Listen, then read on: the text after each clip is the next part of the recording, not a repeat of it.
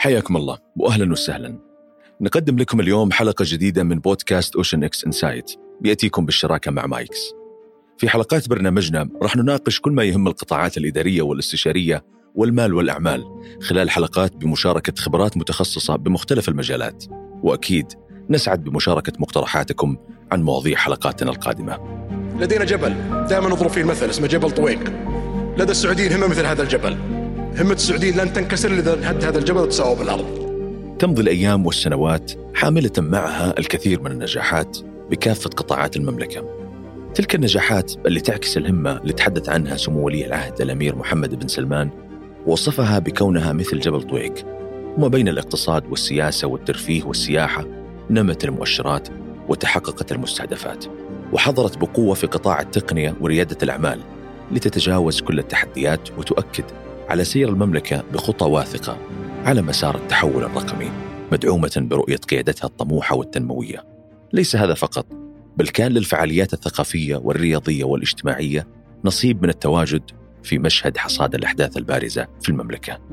أنا عبد المجيد بامنيف واليوم حلقتنا بعنوان المملكة في عام 2022 ولنستعرض فيها حصاد العام والمحطات الإيجابية اللي شهدتها السعودية في هذا العام بمختلف القطاعات والمجالات.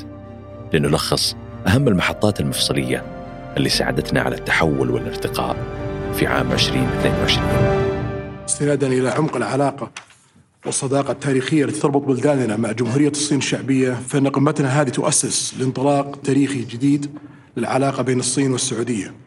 في التاسع من ديسمبر من العام الماضي تم توقيع 25 اتفاقية بين الشركات السعودية والصينية و12 اتفاقية بمجالات الطاقة والإسكان والتقنية. وتسع اتفاقيات مع القطاعين الحكومي والخاص. هذه النتائج المبشرة كانت نتاج ما أسفرت عن قمة الرياض الخليجية الصينية للتعاون والتنمية اللي انتهت بعشرات الاتفاقيات بقيمة تقارب 29 مليار دولار بمشاركة قادة دول الخليج وممثليها والرئيس الصيني. كانت أبرز الاتفاقيات خلال القمة هي اتفاقية الشراكة الاستراتيجية الشاملة بين المملكة والصين وخطة الموائمة بين رؤية 2030 مبادرة الحزام والطريق الصيني. كذلك تم الاتفاق على تعزيز مكانة السعودية كمركز للشركات الصينية لمنتجات الطاقة وبحث التعاون بقطاع البتروكيماويات وتعزيزه بمجالات الطاقة والكهرباء المتجددة ودعم التبادل التجاري بين البلدين وتسهيل وصول الصادرات السعودية غير النفطية إلى الصين. كما عقدت القمة الصينية مع القطب الآسيوي المؤثر اقتصاديا في خارطة توازنات الاقتصاد العالمي وكان قد سبقها القمة الخليجية الأمريكية مع أحد الأقطاب الأخرى وهي الولايات المتحدة الأمريكية. قمة الأمن والتنمية القمة الخليجية الأمريكية اللي انعقدت في جدة خلال شهر يوليو الماضي وتعد من أبرز أحداث العام. هذه القمة جمعت قادة دول مجلس التعاون إضافة إلى الأردن ومصر والعراق ورئيس الولايات المتحدة الأمريكية جو بايدن خلال أولى جولاته بمنطقة الشرق الأوسط. وخرجت بنتائج أهمها توقيع المملكة والولايات المتحدة الأمريكية على 18 اتفاقية ومذكرة تعاون في مجالات الطاقة والاستثمار والاتصالات والفضاء والصحة واللي تمثلها مجموعة من الشركات الأمريكية الرائدة منها شركة بوينغ لصناعة الطيران و Raytheon للصناعات الدفاعية وشركة Medtronic وشركة Diagnostics وشركة IQVIA المتخصصة في قطاع الرعاية الصحية وعدد آخر من الشركات الأمريكية في مجالات السياحة والتعليم والتصنيع والمنسوجات. وعلى هامش القمة وقعت الهيئة السعودية للفضاء مع وكالة الفضاء الأمريكية ناسا اتفاقية Artemis لاكتشاف القمر والمريخ. وكذلك وزارة الاتصالات وتقنية المعلومات وقعت مذكرة تعاون مع شركة آي بي إم الرائدة في مجال التقنية الرقمية لتأهيل مئة ألف شاب وشابة خلال الخمس سنوات على أحدث المهارات التقنية. ومذكرة أخرى مع الإدارة الوطنية للاتصالات والمعلومات الأمريكية وتهدف لتعاون البلدين في مجالات تقنية الجيل الخامس والجيل السادس للاتصالات. البيت الأبيض أشار في بيانه عن القمة إلى كونها تأكيد لاستمرارية العلاقة مثل مؤتمري القمة الأمريكية الخليجية اللي عقد في مايو 2015 في كام ديفيد. ومايو 2017 في الرياض على أهمية الاستراتيجية للعلاقات التاريخية بين الدول المشاركة والولايات المتحدة. واستمرارا للتعاون المشترك لتعزيز جهود الانتعاش الاقتصادي العالمي ومعالجة التداعيات الاقتصادية الناتجة عن الوباء والحرب في أوكرانيا. ومحاولة لمرونة سلاسل التوريد وأمن امدادات الغذاء والطاقة وتطوير مصادر الطاقة النظيفة والتكنولوجيات ومساعدة البلدان المحتاجة لتسليط الضوء على التعاون الأمني والاقتصادي وأمن الطاقة العالمي. وهي تحديات كبيرة للدول خاصة في ظل زيادة معدلات التضخم العالمي وبالتأكيد هذه الاستثمارات والشراكات والقمم تدعم نمو المؤشرات الاقتصادية للمملكة وذلك بجانب ارتفاع فائض الموازنة لأول مرة من تسع سنوات واللي سجل 102 مليار ريال وفق البيان النهائي للميزانية العامة للمملكة للعام المالي 2022 ويرجح أن يكون السبب هو العمل على التحقيق المستهدف من برنامج التوازن المالي اللي يعتبر أحد أهم برامج الإصلاح الاقتصادي ضمن رؤية 2030 وبهذا الرقم تتمثل الزيادة في الفائض 12 مليار ريال عن تقديرات الميزانية لهذا العام. وزادت الإيرادات في الميزانية عن العام الماضي بنسبة 28% لتبلغ 1.23 تريليون ريال بينما النفقات قدرت ب 1.1 تريليون ريال بزيادة نسبتها ب 9% القرار هو حافز من آه، حكومة المملكة العربية السعودية في العقود آه، والإجراءات التي تتخذها سواء كانت آه، شراء أو مناقصات لإعطاء الأفضلية والحصر على تلك الشركات التي تتواجد كامل سلسلة آه، التنفيذ واتخاذ القرار هنا في المملكة العربية السعودية وفي الرياض تحديدا.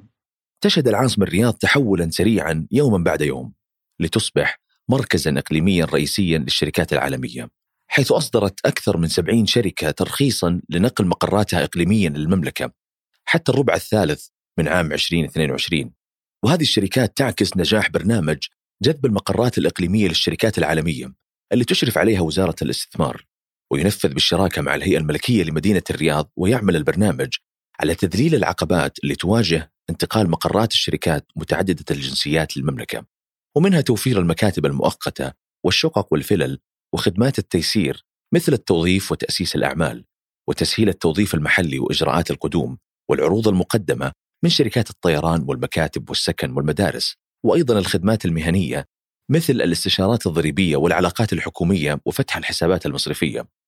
ومن أبرز القطاعات اللي قررت شركاتها نقل مقراتها للمملكة قطاعات التقنية والأغذية والمشروبات والاستشارات والتشييد.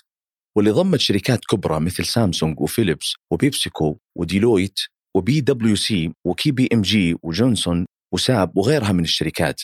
وجاء القرار في إطار سعي المملكة لأن تكون مركز تجاري إقليمي ينافس على جذب رؤوس الأموال والمهارات الأجنبية.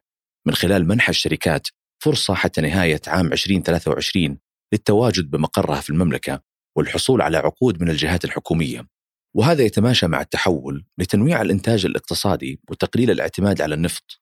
ويتوقع أن المقرات الجديدة تضيف 67 مليار ريال للاقتصاد وتوفر 30 ألف فرصة عمل بحلول عام 2030 لعب الصندوق السيادي السعودي دورا محوريا منذ تأسيسه في عام 1971 وعلى مدى السنوات الماضية كرس جهوده لتحقيق أهداف رؤية 2030 المتمثلة في تعظيم الاقتصاد السعودي وتنويع مصادر دخله وزيادة نموه خلال زيادة المشروعات الاستثمارية الكبرى في المجالات غير النفطية. سواء كانت تلك الاستثمارات على المستوى المحلي أو الدولي وكان آخر استثمارات الصندوق على المستوى العربي هو تأسيس خمس شركات استثمارية إقليميا. تستهدف الاستثمار في كل من الأردن والبحرين والسودان والعراق وسلطنة عمان باستثمارات تصل إلى 24 مليار دولار عبر مختلف القطاعات وبلغت استثمارات الصندوق في سوق الأسهم الأمريكي بنهاية الربع الثالث من عام 2022 ما يقارب 36 مليار دولار وترتكز أغلب هذه الاستثمارات في شركة Lucid Group وتليها Activision Blizzard و SPDR لقطاع المرافق ولهذا يمثل الصندوق السيادي السعودي واحد من أكبر صناديق الثروة السيادية في العالم لأن إجمالي حجم أصول الصندوق يقدر ب 620 مليار دولار ويحتل المركز الخامس عالميا وفقا لإحصائية أبريل عام 2022 ولم يكتف الصندوق بما تم تحقيقه ودائما هناك تطلعات نحو الأعلى والأفضل. لذلك أطلقت النسخة الثانية من برنامج صندوق الاستثمارات العامة السعودي عام 2021 وحتى 2025 واللي يسعى لمواصلة تحقيق أهداف الصندوق والإسهام في تنويع الاقتصاد ورفع معدلات نموه وتحقيق الريادة الإقليمية والعالمية. وتستهدف النسخة الثانية من البرنامج رفع حجم الأصول لتتجاوز 4 تريليون ريال. واستحداث نحو 1.8 مليون وظيفة مباشرة وغير مباشرة من نهاية عام 2025 وفي نوفمبر عام 2022 أعلن ولي العهد الأمير محمد بن سلمان بن عبد العزيز إطلاق شركة سير أول علامة تجارية محلية لصناعة السيارات الكهربائية المزودة بأنظمة تقنية متقدمة في المملكة. وهي مشروع مشترك بين صندوق الاستثمارات العامة وشركة Foxconn الصينية كما حصلت على التراخيص التقنية المتعلقة بالسيارات الكهربائية من BMW الألمانية لاستخدامها في تطوير المركبات. حيث يتوقع مساهمة شركة سير في الناتج المحلي الإجمالي بقيمة 8 مليار دولار وتوفير 30 ألف وظيفة بحلول عام 2034 لذلك استهدف صندوق الاستثمارات العامة السعودي ضخ استثمارات ضخمة في شركة Lucid Motors لتصنيع السيارات الكهربائية واللي تبلغ حصة المملكة 62% من إجمالي الشركة واللي تتداول أسهمها بالسوق الأمريكي حيث يذكر أن الشركة لديها عقد لتسليم 100 ألف سيارة كهربائية في السوق السعودي خلال العقد المقبل. وننتقل بحديثنا نحو التقنية وحلولها اللي أصبحت مسار أساسي تتبعها المملكة في خطتها للتحول الرقمي بما يدعم تحقيق مفهوم الحكومة الرقمية الذكية في جميع قطاعات المملكة عبر خلق سبل جديدة للإيرادات من القطاعات غير النفطية ويعزز تحسين جودة الحياة وسهولتها وتسعى المملكة لتحقيق أحد مستهدفات رؤية 2030 لتكون ضمن الدول العشر الأولى عالميا في مؤشر التنافسية الرقمية فحققت الإنجاز في عام 2022 لتتصدر المركز السابع على دول المجموعة العشرين في تقرير التنافسية الرقمية ويؤكد سعيها لتلك النجاحات الملموسة في تنظيم اللقاءات والمؤتمرات التقنية مثل استضافة مؤتمر ليب العالمي اللي شهد تمثيل أكثر من 80 دولة وأعلن عدد من الجهات الحكومية والخاصة استثمارات تزيد عن 6.4 مليار ريال لدعم التقنية المستقبلية والشركات الناشئة وريادة الأعمال التقنية. ومن المشاركات الخارجية مثل القمة العالمية لمجتمع المعلومات اللي حصلت فيه المملكة على أربع شهادات تميز في عدة قطاعات. ولمواكبة سرعة التحول التقني تصدرت شركة زين للاتصالات قائمة مقدمي خدمة الاتصالات في تغطية الجيل الخامس بمدينة الرياض بنسبة وصلت 89.9% وفي مقياس لقائمة مقدمي خدمة الاتصالات في متوسط سرعة التحميل بمدينة الرياض تصدرت شركة الاتصالات السعودية اس سي بتسجيل متوسط سرعة يبلغ 283.5 ميجا بايت في الثانية. وذلك في تقرير مقياس الجيل الخامس في مدينة الرياض الصادر عن هيئة الاتصالات والفضاء والتقنية. وبما أن التقنية هي العصب والمحرك الرئيسي لريادة الأعمال في هذا العصر شهد أيضا محور ريادة الأعمال في السعودية جهود ملموسة من قبل قادة المملكة وينعكس هذا دائما في التصنيفات مثل تقدم المملكة عشر مراكز في مؤشر حالة ريادة الأعمال لتصل إلى المركز السابع في عام 2020 خاصة مع توقع مجموعة سوفرن تحت عنوان قانون جديد للاستثمار يعامل المستثمرين السعوديين والأجانب على قدم المساواة. بعد إعلان وزارة الاستثمار السعودية عن قانون الاستثمار الجديد بأن ترتفع معدلات جذب الاستثمارات والشركات الخارجية بنسبة 50% واللي كفل للمستثمرين الأجانب حرية إدارة مشاريعهم الاقتصادية وامتلاك أي عقارات ضرورية كما يمكن رواد الأعمال من إتمام العقود التجارية بدعم كامل من جميع السلطات المختصة. إضافة لذلك الدعم من الهيئة العامة للمنشآت الصغيرة والمتوسطة اللي نظمت المؤتمر العالمي لريادة الأعمال واللي عقد في مدينة الرياض عام 2022 بالتعاون مع الشبكة العالمية لريادة الأعمال. حيث بلغت قيمة مبالغ الاتفاقيات والإطلاقات والجولات الاستثمارية خلال المؤتمر أكثر من 51 مليار ريال وإطلاق البرنامج الوطني لتنمية تقنية المعلومات في أكتوبر 2022 لمبادرة MVP لاب لدعم وتمكين أصحاب المشاريع التقنية المبتكرة. بتقديم 200 مليون ريال على مدار الأعوام الثلاثة المقبلة بسألكم سؤال هل فعلا إحنا طريقة جذرية مؤسساتية غيرنا في حياة المرأة؟ هل فعلا هي حاسة بالفرق؟ هل فعلا دخلنا وشفنا تأثير التغير هذا عليها هل هو كافي؟ التغيير اللي هو بيطلع عليه ويتمناه ما هو تغيير على أساس البنك الدولي أو الجهات الخارجية تصفق تقول برافو شوف المملكة العربية السعودية وش سوت. هو يبغى التغيير اللي فعلا يغير بحياة المرأة. نالت المرأة السعودية التمكين المستحق حيث أظهرت نتائج ومؤشرات وزارة الموارد البشرية في أغسطس عام 2022 دليلا قاطعا على ذلك حيث ازدادت نسبة مشاركة المرأة السعودية في سوق العمل خلال الربع الثاني من عام 2022 إلى 32% وبلغت نسبة المشاركة الاقتصادية للإناث السعوديات فوق سن ال 15 ما يقارب 33% وهذا ما يعد مؤشر على نجاح جهود وزارة الموارد البشرية في دعم وتمكين المرأة في سوق العمل نتيجة للمبادرات المستمرة وورش العمل اللي تقام مع جهات متخصصة دولية ومحلية موجهة للمرأة السعودية لتمكين ورفع المهارات الخاصة في العمل الحر والعمل المرن مثل مبادرة ومن ليدرز 2030 المقدمة بالتعاون ما بين وزارة الموارد البشرية ومؤسسة مسك وبرنامج قرة لدعم ضيافة الأطفال لمساعدة المرأة العاملة. وهي كلها جهود وطنية حثيثة استفادت منها آلاف من النساء السعوديات وما زال العدد بارتفاع. كما نالت المشاعر الدينية جانبا من التطور في المؤشرات المتقدمة لعام 2022 حيث أعلنت وزارة الحج والعمرة السعودية عن تمكين المملكة من استضافة مليون حاج في موسم الحج. بعد ما رفعت المملكة القيود اللي كانت مفروضة سابقا بسبب جائحة كورونا حيث تبلغ إيرادات الحج والعمرة ما يقارب 40 مليار ريال سعودي وتصب أغلبها في صالح القطاع الخاص وتمثل نحو 4% من الناتج المحلي. وتشير التوقعات لاحتمالية أن تتجاوز الإيرادات 50 مليار ريال سعودي سنويا مع تحقيق أهداف رؤية المملكة 2030 ومن المتوقع أن تتزايد الأعداد في المواسم القادمة وفقا للظروف المعاصرة وأعداد الحجاج والمعتمرين. كما حظي الجانب الترفيهي من عام 2022 على إنجازات تعتبر الأولى من نوعها مثل بحيرة لاجون أكبر بحيرة صناعية بالعالم في بوليفارد وورد ومئات الفعاليات والاحتفالات. واستضافة الدورة الثامنة من مهرجان السينما السعودي التابع لهيئة الأفلام بمشاركة شخصيات متخصصة في السينما وصناعتها محليا وعربيا وعالميا.